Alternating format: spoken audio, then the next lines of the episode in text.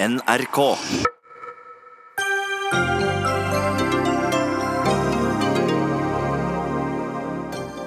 «600 000 kilo av høstens saueslakt vrakes før det kommer i butikkene.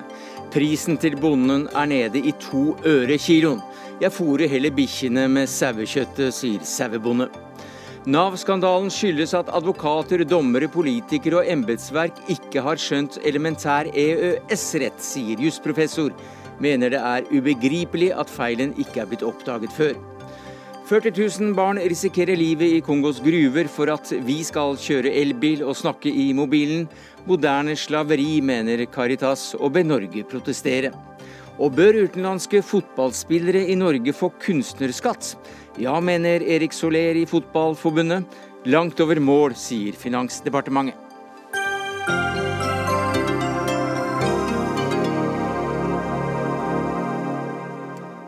Det er noen av sakene i Dagsnytt 18 denne torsdagen, der vi også tar debatten om psykolog fremdeles bør være en beskyttet tittel.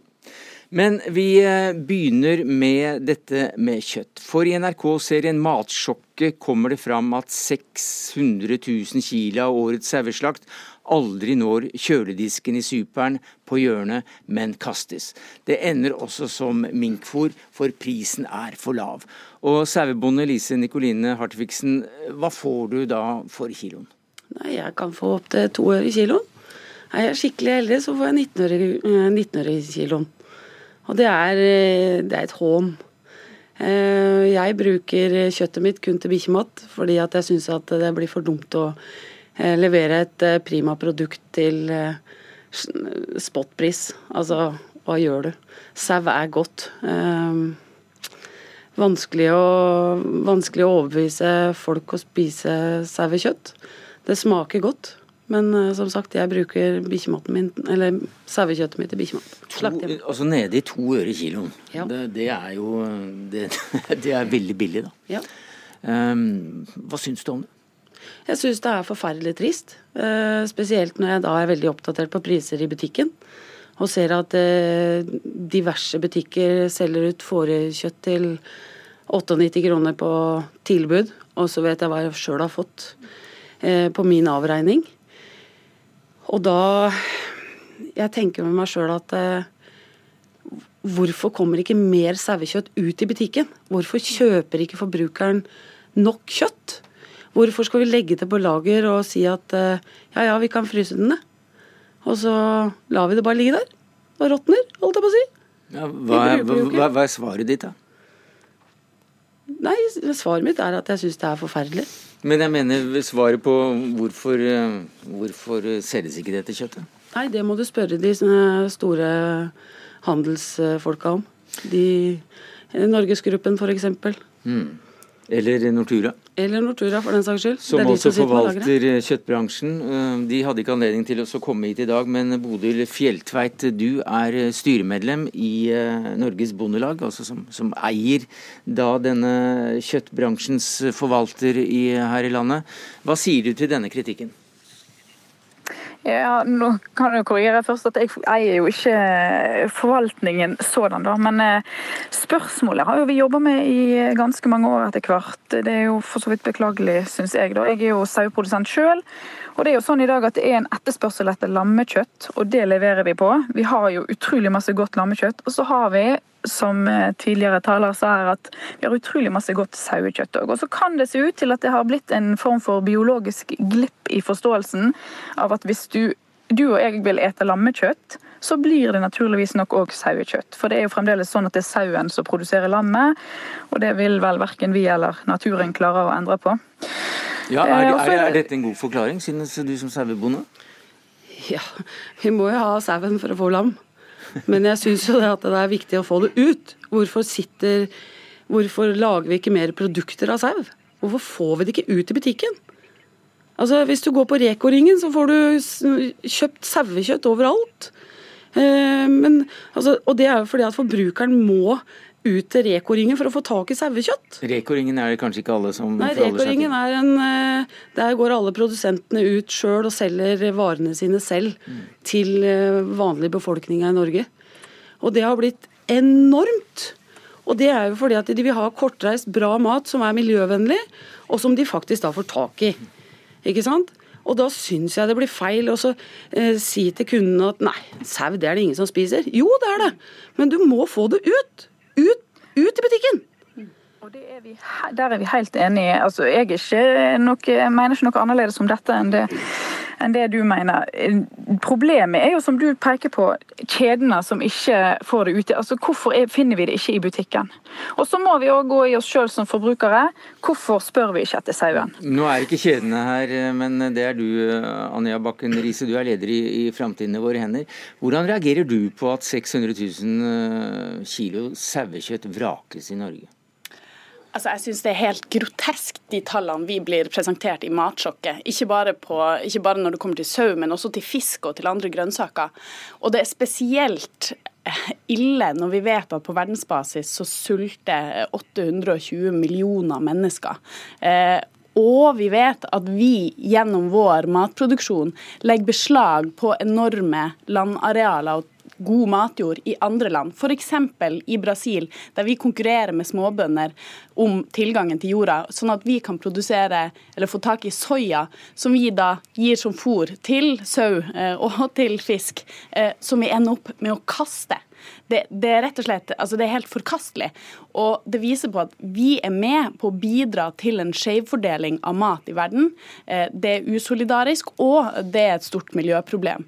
Eh, men jeg tenker jo at dette hovedsakelig er et politisk ansvar. Altså Landbruket vårt er gjennomregulert. Det dette handler om, er at vi har gått fra å ha et matsystem som handler om, eh, om å produsere nok mat og bærekraftig mat, til at alt skal handle om kvantitet.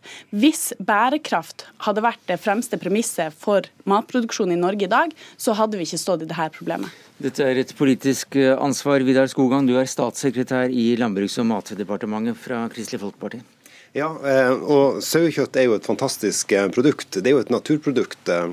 Og for å få lammekjøtt, som alle vil ha, så må du ha sauen. Ja, men hvor, hvor, hvorfor, hvorfor, er det blitt slik at vi kaster 600 000 kg sauekjøtt? Ja, Det spørsmålet har jo vi stilt oss i Landbruksdepartementet ja, og også. Hva er svaret? Og, da, ja, og det, det, vi har gjort, er jo at vi har invitert nå hver kjede, én og én, inn til landbruksministeren for å ta opp opp omsetninga av sauekjøtt. Og I går på det programmet Matsjokket, som var et fantastisk bra eh, program, så sto det jo representanter fra alle de tre store kjedene og sa dette skal vi gjøre noe med. Så nå mener jo jeg at det er litt sånn nye signal, det er litt lys i tunnelen. Og eh, de produktene man visste i går på programmet, eh, hamburgere av sauekjøtt og grillmat av sauekjøtt, og, og, og de som spiste det, merka ingen forskjell og syntes det var et fantastisk produkt. Så jeg tror det handler faktisk om holdning, og så da å få det ut i, i markedet. Men er det ikke, er det ikke politikk, dette her? Du hører Fremtiden i våre hender sier at det er politikk? Ja, og politikken er jo det at vi skal eh, produsere mest mulig kjøtt på eh, norske råvarer. Vi skal produsere det på grasareal, og vi skal produsere det på beitebruk. og Derfor skal vi produsere mer eh, kjøtt på beite. og Derfor er sauene ekstremt viktig, og derfor må vi ha kjedene mm. med på banen for å få omsatt dette kjøttet. Og så vil jeg bare si en ting. Et øyeblikk, men Kjedene er ikke her, men det er du ja. Fremtiden i våre hender. Hva sier du til dette svaret fra politikeren? Altså man kan få inntrykk av at dette er et nytt fenomen. Det er det jo ikke. Altså De fem siste årene har det jo vært overproduksjon av sau. Eh, samtidig som vi importerer masse lam eh, og, og, sau fra utlandet. Eh, og jeg syns at Lise her har et veldig godt poeng. fordi at hun sier det at altså, Reko-ringen, som handler om direkte handel mellom forbruker og bonde altså 200 000 mennesker har blitt medlem av Reko-ringen det siste året. Etterspørselen der etter sau er til stede. Folk er villige til å betale for det. Sånn at her, her, er det noe som bare ikke henger helt på greip. Så det er klart at man må inn og styre. Eh, kanskje i større grad pålegge, eh, inngå samarbeid med bransjen, sånn at de også er villige til å betale mm. mer for kjøttet som skal inn. Når det er sagt, så mener jo ikke jeg at vi ukritisk skal eh, produsere mest mulig, mest mulig sauekjøtt. Akkurat sauekjøtt så tror jeg at vi mm. godt kan spise mer av, men vi må jo se alt det her i sammenheng. Og det totale kjøttforbruket i Norge skal vi også prøve å få gå ned uh, framover, hvis vi skal følge FN sine anbefalinger. Seniorrådgiver i um, Norsk institutt for bioøkonomi, NIBIO, du er med oss fra studio i Tønsberg. Uh, Ivar Pettersen, hva er din forklaring på at det er så mye sau som kastes? Jeg tror at statssekretæren her må tenke litt mer på hjemmebanen sin, i tråd med det Bakken Riise sier. Dette, dette er en politikk Det er en politikk som ligger i bunnen her, som gjør at vi over tid har satset veldig mye på høye priser på norske landbruksvarer. Når det nevnes 98 kroner for lammet, så er det nødvendig. Det er ikke fordi kjedene tar så høye marginer. Ehm, eh, kjedene har faktisk lave marginer på norsk kjøtt. Men det er nødvendig for at bonden skal få den inntekten som Stortinget osv. legger til grunn. Ja, For dette er en villet politikk, sier du? Dette er en villet politikk, at vi skal ta ut mye på pris. Høye priser fører til mye sortering. Sortering innebærer kasting, bl.a. Og det fører til mye markedsbalansering, altså at vi må finjustere samle tilbud, sånn at det ikke overgår det som tåler 98 kroner, eller det 98 kroner kiloen tåler. Og Det fører også til en del kasting. Sauekjøttproblemet er både en følge av sortering for å opprettholde pris, og markedsbalansering. Tar du inn uh, Bodil Fjelltveit, tar du inn alt det sauekjøttet i butikkene Og jeg tror ikke dagligvarekjedene egentlig har noe imot billig sauekjøtt. Tar du inn det, så får du problemer med de 98 kronene på lammet, og det går utover bonden. Hva sier du til det? Fjelltveit? Eh, hva jeg sier til det? Mm. Nei, Jeg er jo ikke uenig i det. Altså, det er, dette du nevner om at det er en villepolitikk, det så vi jo tilbake i 2014. Så var det et underskudd på lammekjøtt. Så ble det åpna for uh, at en skulle satse på større besetninger av sau. Og bøndene responderte. Og det er jo der vi er i dag. Vi, har, uh, vi er ganske i balanse når det gjelder lammekjøtt, men på sauekjøttet så har vi for masse. Så det, det vil altså si da at Landbruksdepartementet har ført en politikk som da skulle føre føre til økt eh, lammeproduksjon i eh, Norge. Og det har de jammen fått også, slik at vi i år mm. kaster 600 000 kilo. Er det slik å forstå? Utgangspunktet var jo underdekning, slik at eh, politikken stimulerte jo til å få mer lam ut i markedet. Og det, var en vill, det, det var en villa og ønska politikk. Og så mener jeg at med de prognosene f.eks. For, for neste år som Nortura har kommet med, så er det en liten underdekning på lam. Slik at vi har balanse i markedet når det gjelder lammekjøtt. Utfordringa er å skape holdning forventninger knytta til sau som et mm. fantastisk godt produkt. Ja, Har vi, har vi balanse i markedet når det gjelder lam?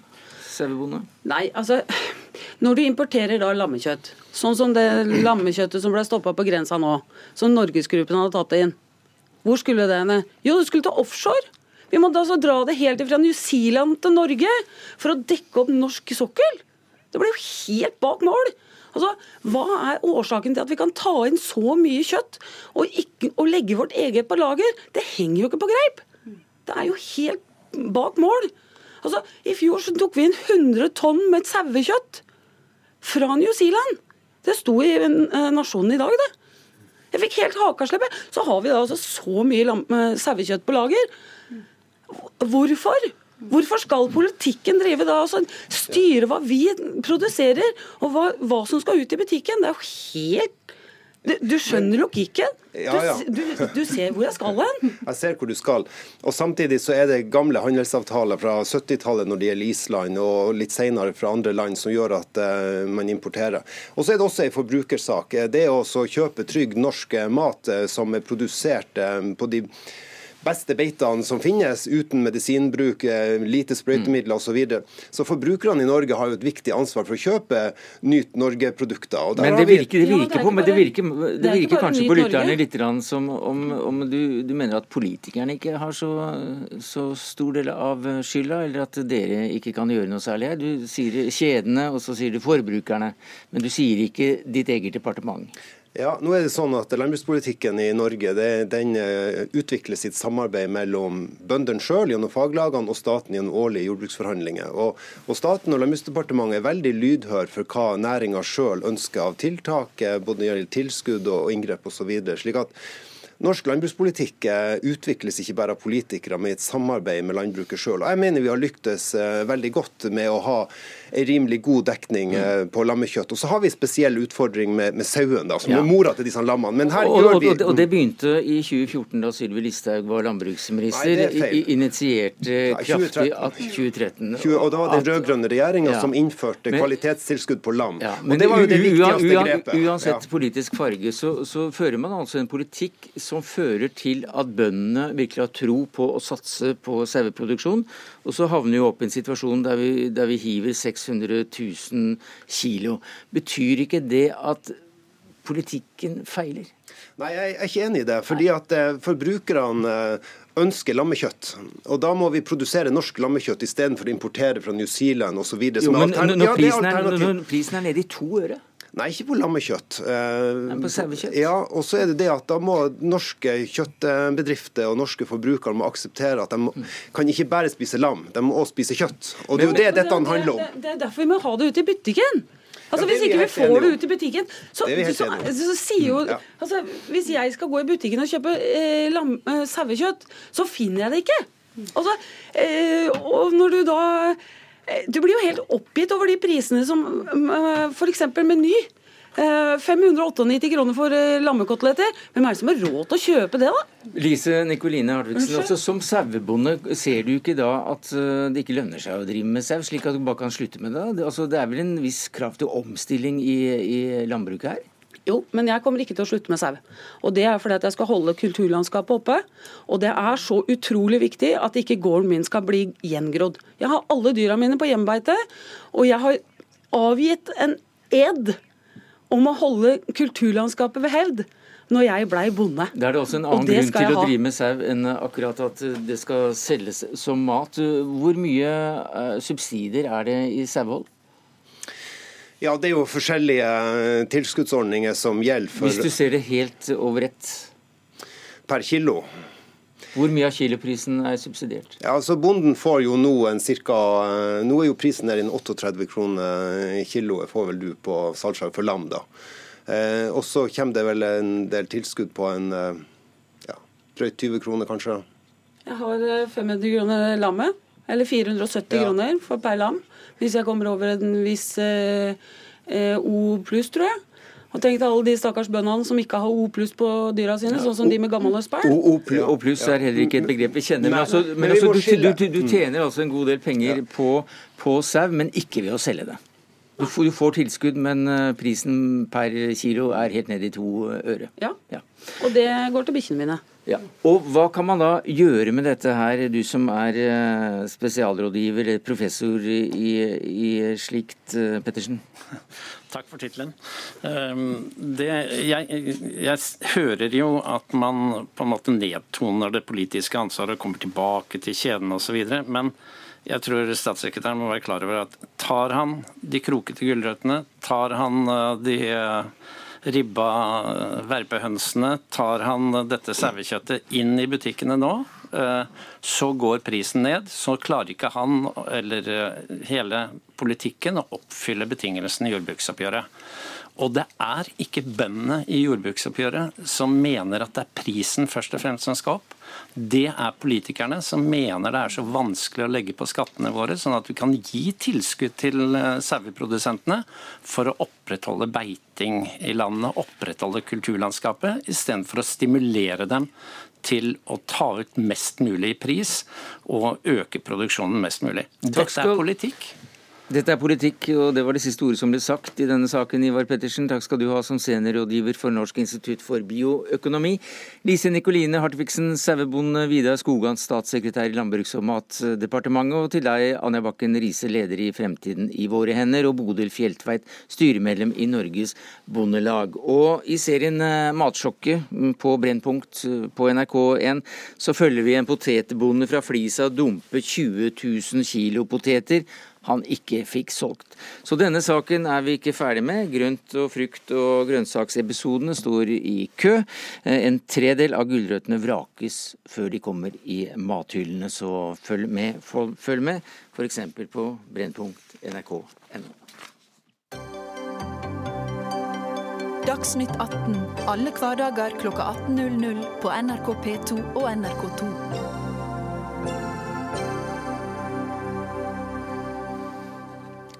Ja, Vi gir oss ikke helt eh, med Nav-skandalen. For eh, i en kronikk i eh, Aftenposten i dag så skriver du, Hans Petter Graver, professor i juss ved Universitetet i Oslo, at det er ubegripelig at feilen ikke er blitt oppdaget før. Og hva er det da advokater, dommere, politikere og embetsverk ikke har forstått? Ja, I 1994 så innførte vi jo fri bevegelse for varer, personer, tjenester og kapital. Eh, og det er eh, de grunnleggende delene av EØS-avtalen. Og det er jo dette, eller en av disse grunnleggende delene, som disse sakene da støter an mot. Ja, Så de har egentlig ikke skjønt at det er EØS-lover og regler som gjelder, og ikke trygdelover? Nei, de har åpenbart ikke sett det. Altså, de har eh, anvendt bestemmelsen i folketrygdloven, som i og for seg er helt klar, og sier at man ikke kan motta disse eh, støttene hvis man eh, reiser ut av landet. Og så har man ikke sett at dette strider mot den grunnleggende retten til eh, å bevege seg fritt over landegrensene som finnes i EØS-avtalen. Ja, hvor, hvor finjuss må du være interessert i før du ser at det er akkurat denne regelen som trår inn? Nei, jeg mener, ikke, mener Det er ikke egentlig snakk om finjuss. Altså her, her, er det snakk om vurderinger på forskjellige nivåer. Og det å se at en sånn regel er eh, grunnleggende problematisk, det burde være helt elementær kunnskap. Men så kommer jo spørsmålet, når man først har sett det, eh, å foreta vurderingen av om denne regelen da likevel står seg etter de mer innfløkte trygderettslige reglene, og vurderingen av når landet kan eh, legge restriksjoner.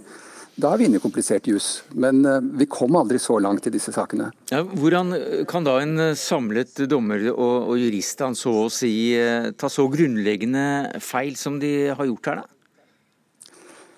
Nei, altså Vi må jo gå litt i oss selv også på universitetet og, og spørre oss om vi har uh, formidlet dette klart nok til studentene våre og i Eh, offentligheten. Eh, nå er det jo sånn at eh, i hvert fall de studentene som har gått ut de siste 15-20 årene, de burde jo vite dette her. For dette her er en grunnleggende del av de kunnskapene de får gjennom faget EØS-rett. Men mange av de som jobber innenfor forvaltning og domstolene, har jo tatt eksamen før disse reglene var del av norsk rett, og de har da mm. kanskje ikke fått dette inn under huden på den måten de burde. da. For Advokaten Anneli Bendiksen i, i, Tromsø hun forsøkte å forsvare sin klient ved nettopp å vise til eh, de grunnleggende EØS-bestemmelsene som du nå har referert til. Og hun ja. fikk ikke gehør hos eh, dommeren, som ikke så at eh, EØS-reglene lå i veien for domfellelse av Bendiksens klient. Hva sier du til det? Dette minner litt om uh, måten uh, advokater som forsøkte å ta opp uh, Den europeiske menneskerettighetskonvensjonen, ble møtt på de første sakene, altså på 1980- og 90-tallet, hvor de stort sett ble avfeid som useriøst. Men så ser vi jo hvordan det har endret seg. og Jeg vil vel tro at vi vil, finne, vi vil få den samme utviklingen også gjennom EØS. Men det som er litt rart, er at det har tatt så lang tid. altså. Dommerforeningen eh, kunne ikke møte her i dag, men eh, du møter Marius Didriksson, advokat, leder av eh, forsvarergruppen i Advokatforeningen. I går var Advokatforeningens leder her i Dagsnytt 18 og sa at alt dette bl.a. skyldes en sultefòret justissektor Bori opptatt for små advokatsalærer, så, så, den lar vi ligge. Men hva sier du til Gravers eh, forklaring at det rett og slett er manglende kunnskaper om EØS-jussen? Ja, Det tror jeg vi skal eh, lytte til.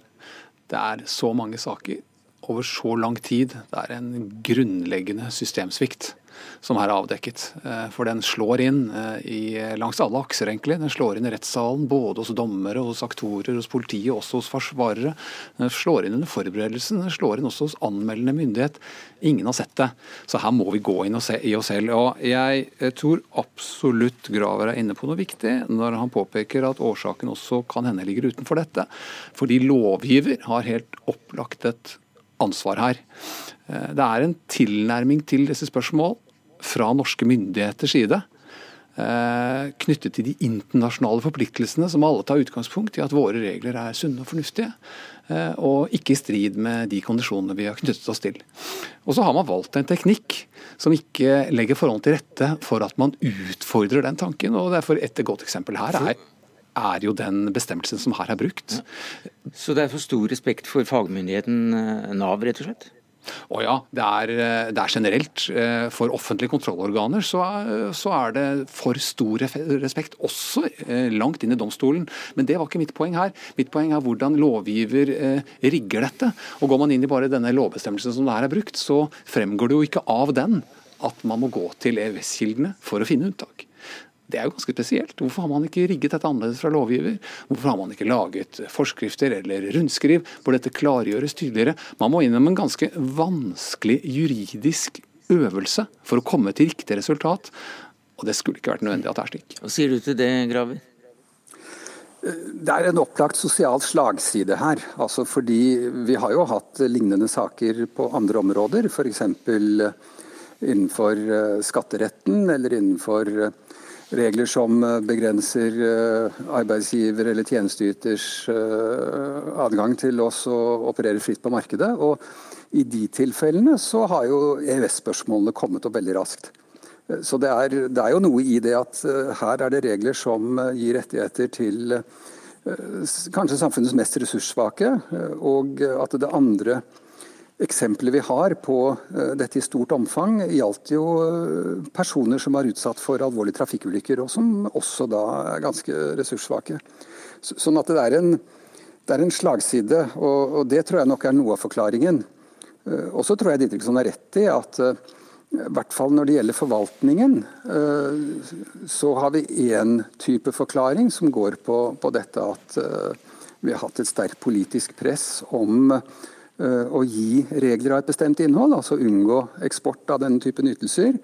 Eh, og vi har også hatt en eh, tradisjon for, som jeg mener i og for seg er berettiget, for at man, norske myndigheter bør utnytte det spillerommet de har i størst mulig grad til å gi nasjonale regler innenfor rammene av EØS. Men er det for dårlig arbeid rundt disse lovene som har med ES å gjøre, at det burde stått en rød varseltrekant ved siden av med et eget rundskriv om ops, ops, dette krysser foran norske lover? Ja, jeg, jeg syns nok det. Og, og, og, du kan si at disse, uh, disse mer politiske forklaringene de kan ikke forklare, etter mitt syn, uh, at ikke dette er blitt sett innenfor rettsapparatet av aktørene der. Altså politi, påtalemyndighet, advokater og dommere. Eh, for de har jo ikke stått under dette eller noe sånt uh, krysspress som uh, de som jobber i forvaltningen. Nei, altså Alle legger seg flate i, i den saken, alle menn. Det er snakk om en systemsvikt. Det sier også du som leder av, uh, av Advokatforeningens forsvarsgruppe. men pulveriseres ikke da ansvaret når alle bare legger seg flate? Det, det er jo individuelle dommere og advokater som som til syvende og sist ikke har gjort jobben sin her? Ja, det er det. Eh, og på vegne av eh, de forsvarerne som ikke har sett det, eh, så ber vi om unnskyldning, for dette burde vært sett. Dette burde vært tatt fatt i, og det er ikke helt å forstå at så mange saker gjennom så mange år kan passere. Er du enig i Gravers kritikk at det er en sosial slagside her? At hvis disse klientene hadde vært mer ressurssterke, så hadde de klart å komme bedre fram ved å hyre andre advokater eller flere advokater? Ja, eh, og det er fordi at eh, man må gjennom en tilsynelatende litt komplisert juridisk øvelse for å komme frem til dette resultatet. Det er ikke intuitivt, det som står der. Jo, Det er ikke det da, Graver? Er ikke dette ganske intuitivt? Nei, Ja, det er ganske intuitivt når det gjelder å se spørsmålet. Og så kan du si å komme frem til resultatet. Det kan være komplisert juridisk. Men, men hovedproblemet her er at spørsmålet ikke er sett. For hadde det vært sett, så ville det blitt brukt ressurser på å klare ut dette juridisk. Kanskje også ved å forelegge en sak for EFTA-domstolen eller på annen måte. Eh, og da ville, da ville dette falt helt annerledes ut. Men eh, Didriksen, eh, hva tenker du når du hører da om advokater som Bendiksen i Tromsø, som faktisk gjør det rette, men som likevel har tapt i retten? Ja, du, på vegne av alle de som er dømt, så syns jeg bare det er helt tragedie å, å, å høre på. Eh, og, og, det forteller meg at de offentlige kontrollorganene har for stor, altfor stor autoritet langt inn i domstolen. Og selv når anførselen fremmes, så feis den til side. Eh, så jeg tenker det er ikke bra. Takk skal du ha, Hans Petter Grave, professor i juss ved Universitetet i Oslo og preses i Det norske vitenskapsakademi, får vi legge til. Og til Marius Oskar Ditriksson, advokat og leder av forsvarsgruppen i Advokatforeningen.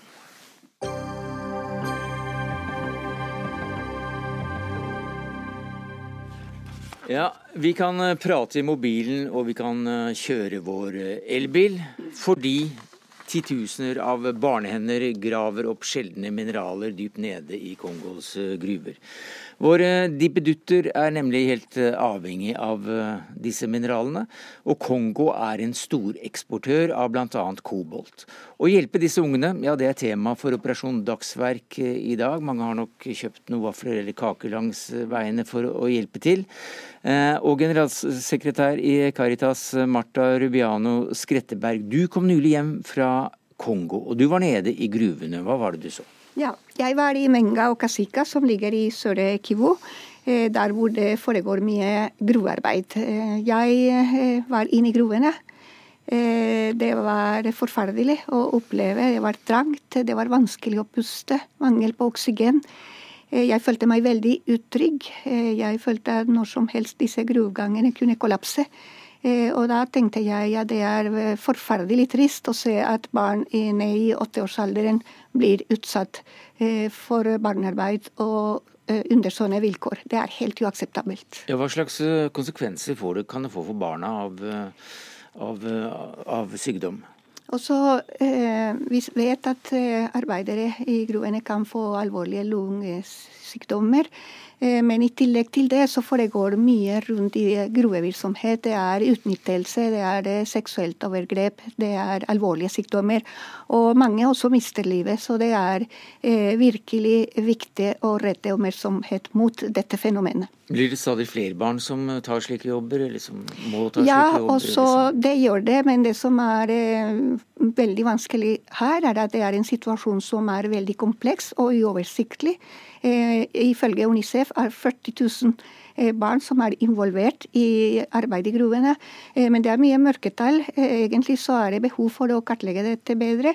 Allikevel så er det absolutt nødvendig å sette mer fokus på barnearbeid og det vi kaller i dag moderne slaveri. Men altså, du, du, kaller det moderne slaveri? Ja, jeg mener at dette er en form for slavearbeid. Jeg snakket med flere eh, ungdom. En av dem fortalte meg at eh, f.eks. han starta dagen sin klokken seks om morgenen til syv om kvelden for en dollar hver dag. Eh, var avhengig av få solgt det som det som også produserte. Eh, og så er det noe med at eh, det er ille å se at f.eks. de fikk et måltid om dagen. Og så Det betyr at de sulter. og Eh, jeg spurte dem hva er det som gjør at dere er her, og det er fordi familien mangler mat mm. og inntekt. De har ikke noe å leve av, og da er de nødt til å sende barna sine til disse farlige jobber. Eh, dette er dramatisk. Det er altså et moderne slavearbeid, og dermed så har du også en eh, utfordring til norske myndigheter. Ja, Eh, også jeg eh, tenker at eh, her er det veldig positivt av utviklingsministeren har satt dette på dagsorden. Samtidig er det veldig viktig å oppfordre norske myndigheter til å ta opp dette med kongolesiske myndigheter, for at de har og tar ansvar over sin egen befolkning. Det er veldig viktig at eh, det blir tilført ressurser der. Eh, de mangler basistjenester som mat, helsetjeneste osv. Så, videre, så det er kjempeviktig å sette mer fokus på det. I tillegg så må vi huske på at Kongo er et av de mest korrupte land i verden, så det er nødvendig å også se på dette aspektet. Hva tar du denne utfordringen, Dag Inge Ulstein, du er utviklingsminister fra mm. KrF? Ja, først må jeg si at jeg er utrolig glad for at uh, nettopp det med moderne slaveri uh, er tema for Operasjon Dagsverk i dag, og at en organisasjon som Caritas får de midlene. Fordi det er utrolig få som faktisk er så tett på og kan være med å utgjøre en forskjell for i Øst-Kongo 40 000 barn og unge. Men så vet vi at det er over 40 millioner mennesker som lever i moderne slaveri og under slike forhold. Og Det er jo dessverre slik at er veldig veldig mange som jeg snakker med her hjemme, tenker at det er noe som hører til i historiebøkene. Men det er altså den fryktelige sannheten er at det faktisk aldri har vært flere slaver enn det akkurat nå. og det er bakgrunnen. Så, så da til spørsmålet mm. og, som du kan svare på. Hva gjør du i forhold til den utfordringen som Caritas har kommet med? Nei, blant annet så har vi jobba nå eh, i vel et halvt år med både norske og internasjonale eksperter på hvordan vi kan uh, utvikle et bistandsprogram uh, direkte knytta i kampen mot uh, moderne slaveri. og Litt av bakgrunnen for at vi òg reiste til, til Kongo og så på det arbeidet. Vi jobber Eh, også gjennom en del andre internasjonale organisasjoner eh, som, som har jobba med det over lengre tid. Eh, men det er dessverre altfor lite oppmerksomhet rundt det. Og så er det jo litt sånn som... Hva kan, dere, hva kan dere gjøre da? Det er klart at I et land som, som Kongo da, så er det utrolig mye ekstrem fattigdom. Jeg sier vel at det er et av de to-tre verste landene å vokse opp. En har sult, matmangel. En men alt dette, alt, dette, er sikkert riktige beskrivelser av, av virkeligheten. Men hva mm. kan, hva kan, et lite land i verden Nei, som Norge det, gjøre? Det var det jeg skulle si. for Det er nettopp utviklingshjelp som handler om å gi det et alternativ. Det som både Caritas og, og vi er med og bidrar der, det er jo å, å skape til, skoletilbud f.eks. Eh, der en nå gir mat på skolen. fordi at Grunnen til at mange av de barna og ungdommene går i gruvene, er fordi at de har ikke noe alternativ. Det står altså mellom da å, å gå i gruven og gå sultne, eller å dø av sult. Det er faktisk situasjonen som de står overfor. Eh, og, og, med det enorme presset som er der, og, og alle de utfordringene lag på lag på lag, eh, så, så, er det nettopp det å ha en langsiktig eh, utviklingshjelp. Og så har vi kjempe eh, mulighet til å utfordre myndighetene. Det må eies av lokale myndigheter. Eh, nå har det vært et, et skifte der. Kisekeli som har tatt over, og som faktisk har uttalt at han vil løfte nettopp det med menneskerettigheter og, og, og, ønsker å se forandring. Men det er kjempe kjempestore utfordringer, eh, helt åpenbart. Men det er altså da ikke noen løsning å forby barnearbeid eh, i Kongo, så å si, hvis det hadde gått an for en vestlig eller internasjonal eh, opinion og en lokal opinion til, til å gjennomføre noe sånt, for da ville man sulte i hjel? Ja, og det er det, det største dilemmaet vi har. Men vi må huske først på at for et år siden, i 2018, så kom en lov som regulerer gruvevirksomhet, som forbyr barnearbeid. Utfordringen er å implementere den. For at vi kan stanse det alvorlige fenomenet, så må vi gi mat og inntekt til familiene til disse barn og ungdom. Eh, og det er der eh, den største utfordringen ligger. Hvordan vi klarer å skape bærekraftig utvikling. Hvordan eh, vi løser det, de humanitære behovene med mat og helse.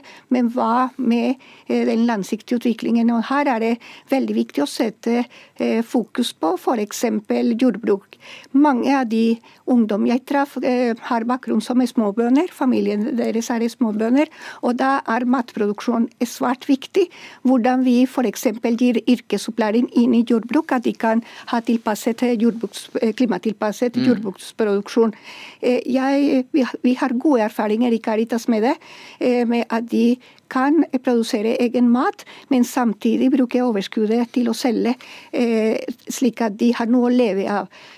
Utfordringen her er at nasjonale myndigheter satser på infrastruktur. De trenger gode veier for å frakte eh, disse produktene og organisere kooperativer slik at de får en rettferdig pris. Så det, det er kanskje en av de fremste utfordringer her. Eh, er det grunn til å ha litt dårlig samvittighet eh, når du ringer på mobilen din eller kjører bilen din? Vi har iallfall et stort ansvar. Eh, det er sikkert mange som husker når Dennis Mukwege, som er akkurat fra det området, fikk nobelprisen. Så brukte han god tid under talen sin på å utfordre oss tilbake igjen. Det ansvaret vi har, nettopp pga. det markedet som er her knytta til mobiltelefon, elbiler og annet. Det han sa, var at vi ikke måtte slutte å kjøpe det. Men han sa at det er så store verdier at det er mulig på en måte å gjøre det på en anstendig måte. Eh, men barna og ungdommene skal jo ikke jobbe i gruvene. De skal jo gå på skole, de skal jo være med og skape muligheter og se endringer i landet. Så nå så er det også ikke, ikke, bare flyskam, men nå er det også mobilbruksskam og, og elbilskam? Og... Nei, vet du hva. Jeg har møtt så mange ungdommer bare i dag eh, som har lyst til å engasjere seg, som har lyst til å ta ansvar og utfordre en del av de selskapene som, som har produkt som kommer derfra. Eh, og Det tror jeg er eh, ikke bare en trend, men det er et engasjement som, som om det er i tekstilindustrien eller om det er knytta til mobiltelefonen og koltangruve. Mm. Og Det er bra. Det er et ansvar som vi har eh, alle sammen. Takk skal du ha, Dag Inge Ulstein, utviklingsminister fra KrF. Og til deg, Marta Rubiano Skretteberg, generalsekretær i Caritas. Nå sport. Hør Dagsnytt 18 når du vil. Radio NRK Radio.nrk.no.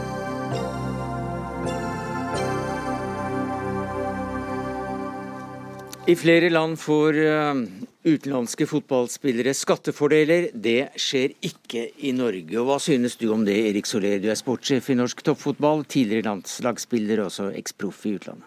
Ja, altså det, er, eh, det er jo ikke sånn at vi ønsker skattefordeler relatert til resten av befolkningen. Det er ikke det som er poenget. Det som vi ser på, er jo hva landene rundt oss, svenskene, danskene, har av ordninger for sine spillere. og når vi går igjennom det, så ser vi at vi ligger rimelig dårlig an. Det betyr at vi ikke er i stand til å betale eller gi de samme ytelsene som de er eh, i Sverige og Danmark og mange andre steder. Så utenlandske spillere de eh, vil heller gå til f.eks. Sverige og Danmark fordi at skattesystemet eh, er, er gunstigere for dem der? Ikke bare utenlandske. Det gjelder jo i aller høyeste grad våre egne, både unge og eldre. De som har vært ute og skal tilbake, har en stor fordel av å reise til Sverige og Danmark i forhold til å komme tilbake til Norge. Og vi ser at uh, uh, uh, FC København eksempelvis, da, med Ståle Solbakken, de har jo Norge som et av sitte, sine primære rekrutteringsområder når de ser etter unge spillere.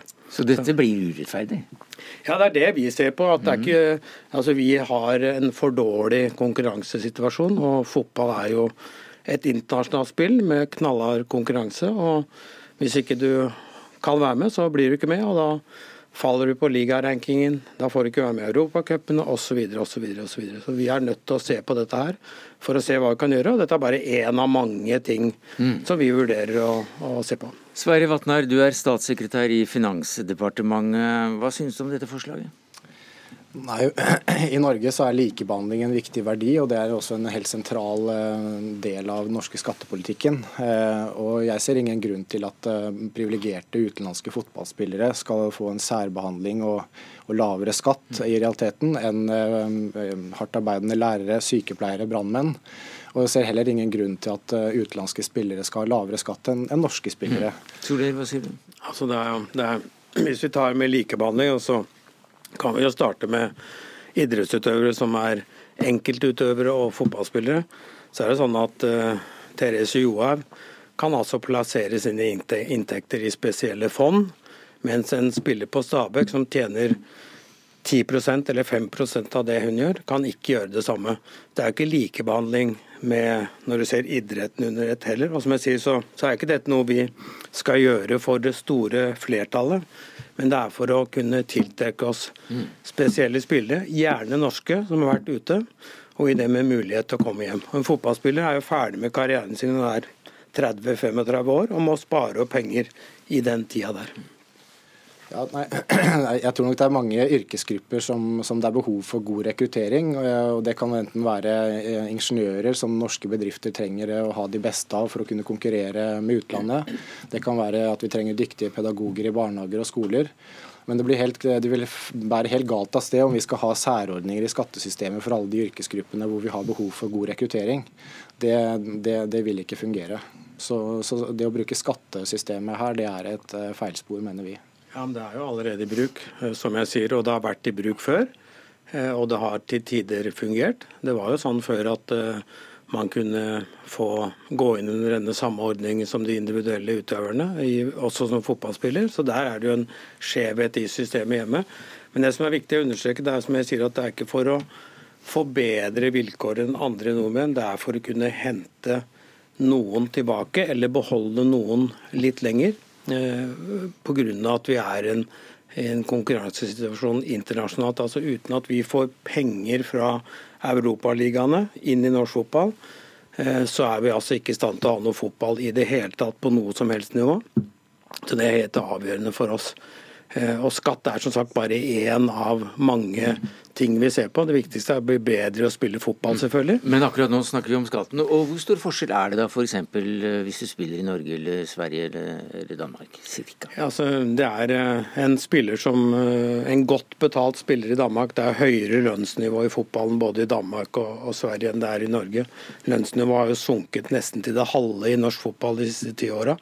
Så det er ikke noe høyt uh, lønnsgruppe vi snakker om. Ja, men altså En dansk, si, si, en dansk fotballspiller, la oss bruke et tall som tjener en million kroner. Han får 32 eh, i skatt hvis han er på kunstnerskattordningen. Mm. Og det får du jo ikke hvis du er i Norge. Eh, hvis ikke du har gjeld eller lån eller andre typer ting. Sånn at det er en, en betydelig forskjell. Og hvis du reiser inn til Sverige som en profilert fotballspiller, så kan du altså motta en stor del av lønna di før du kommer til Sverige, og ikke bli beskatta for den i det svenske systemet i det hele tatt. Ja, nei, Jeg hører jo hva du sier om at uh, dette ikke skal bety lavere skatt for uh, utenlandske fotballspillere enn for andre her i Norge, men det er jo det i realiteten uh, forslaget innebærer. hvis disse skulle kommet på, inn på kunstnerskattordningen, disse som bor her permanent av utenlandske fotballspillere, så ville det bety betydelig lavere skatt for disse, disse, utenlandske fotballspillerne enn for norske fotballspillere og for vanlige arbeidsfolk ellers her i landet.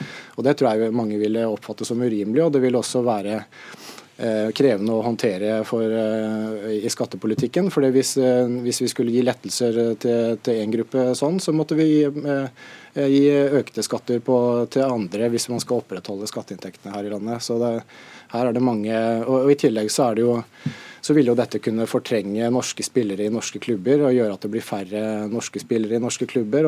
Så, så, jeg tror at her er det også uenighet i Fotball-Norge om, om, dette faktisk er et godt forslag. Ja, så som jeg sa innledningsvis, så er det jo forskjellige modeller. Det er ikke bare på toppen. Det er jo dette med fondsløsninger for unge spillere.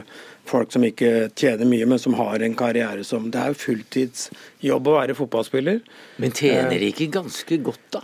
Altså, Gjennomsnittslønna i, i Norge for, for, en fotballspiller var på 800 900 000 for uh, ti år siden. Det var veldig mye penger. Det var veldig bra. Jeg syns det er Nå, bra ennå. Ja, men, ja, jeg får ta en runde med sjefen min om dette her. Men vi er ikke der i dag. Nei. Vi er langt under det. Altså, vi, vi, er langt under det man gjennomsnittlig trener som spiller i, i Sverige og Danmark.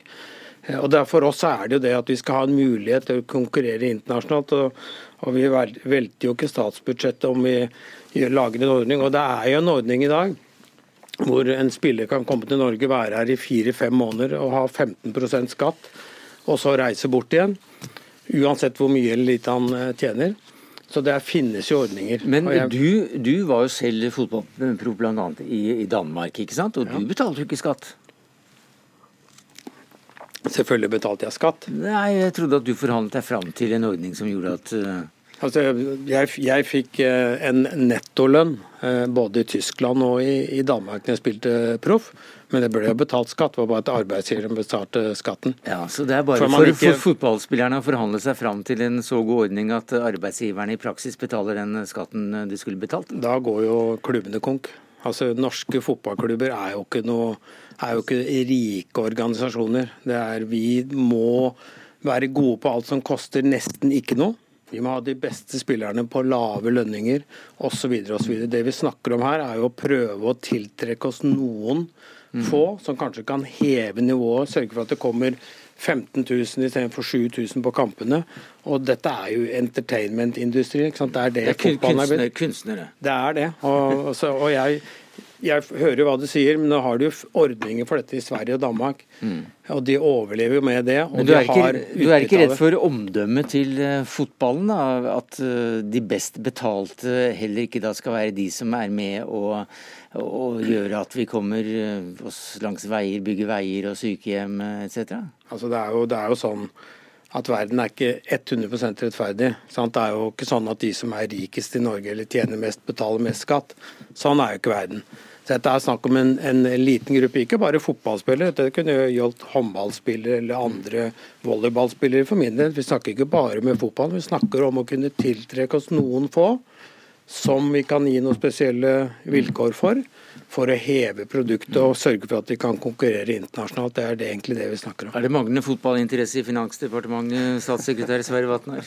Nei, det er det ikke. Jeg, jeg, er en av de som syns fotball er veldig gøy og, okay. og, og, blir engasjert av det. Men jeg tror nok at regjeringen kommer til å holde fast på at uh, alle i, i, det norske spleiselaget så må alle bidra. og Det kan også gjøre til at uh, skattesatsene kan bli lave for, for flest mulig. Og, og, at vi også sørger for å gi lettelser særlig til de med lave og vanlige inntekter. Uh, og da kan vi ikke ikke ha særbehandling for eh, privilegerte fotballspillere. Takk skal du ha, Sverre Vatnar, statssekretær i Finansdepartementet fra KrF, og til Erik Soler, sportssjef i norsk toppfotball. og Det var mannen som var med å slå Italia i 1985.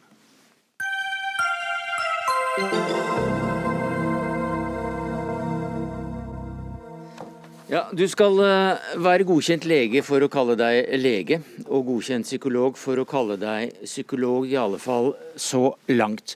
Men nå dukker det opp eh, en klimapsykolog her og en arkitektpsykolog eh, der, og de kan bruke sine titler akkurat som de vil, uten autorisasjon som psykolog. For i disse to tilfellene gjorde Helsedirektoratet et unntak, og dermed var debatten i gang om hvem som skal få lov å kalle seg psykolog her i landet. Silje Skjevig, du er psykolog, og i en kronikk i Aftenposten så reagerer du på dette. Hvorfor det? Jeg syns jo det bør eh, følges den eh, tradisjonen vi har hatt over så mange år, at eh, en psykolog er en som er autorisert. Vi har andre som kan mye om psykologi, men eh, jeg forstår ikke helt hvorfor de skal kalle seg psykolog, selv om de kan mye om psykologi. Eh, det er faktisk sånn at eh, vi er helsepersonell som psykologer med taushetsplikt, med meldeplikt, med journalplikt. Og vi har fått veiledning over flere år innenfor utdanningen vi har tatt. Man må kunne stole på at vi har den kompetansen folk flest forventer at en psykolog har. Og det å da skulle kalle seg psykolog uten det, det blir litt rart, syns jeg. Og jeg forstår ikke helt hva man eh, tjener på det. Hvem er det som tjener på at flere skal kunne kalle seg psykologer uten å ha den kompetansen som folk flest forventer? Nei, hvem er det, Niklas Paulsen Vike? Du er styreleder i Psykologiforbundet, altså en forening for mange som har en eller annen psykologiutdanning, men ikke nødvendigvis som er klinisk psykologer. Og dere ønsker også at de som ikke er autoriserte psykologer, skal også få kalle seg psykologer. Hvorfor det? Nei, altså vi, vi mener at, at, det må være rom for sammensatte titler. Eh, og jeg syns jo Siljes resonnement her også viser at når man sier at eh, en, en, pasient må kunne gå til henne som klinisk psykolog, som programleder sjøl kalte det nå, ehm, så forventer den personen å få behandling. Og Da er det taushetsplikt og det som Silje nevner som, som gjelder. Men så finnes det mange andre fagområder innenfor psykologien. Nå er ikke klimapsykologien og eh, arkitekturpsykologien eh, det som vi syns er aller viktigst i denne sammenhengen. Det må nesten Anne Anne Farseth eh, kommer litt inn på etterpå. Men vi mener at, at det finnes mange andre områder av psykologien som, som har et, eh, et samfunns... et, det finnes et stort samfunnsbehov for andre type områder av psykologien. Det, ja, ja, Er det et samfunnsbehov at noen skal få kalle seg arkitektpsykolog? Akkurat arkitektpsykolog og så videre, det, det må nesten andre ja, ja, men, nå, ja, men nå, nå, spør jeg deg. Men det har ikke vi kjempet for. Altså det, Nei, Hva er det, det du kjemper for, da?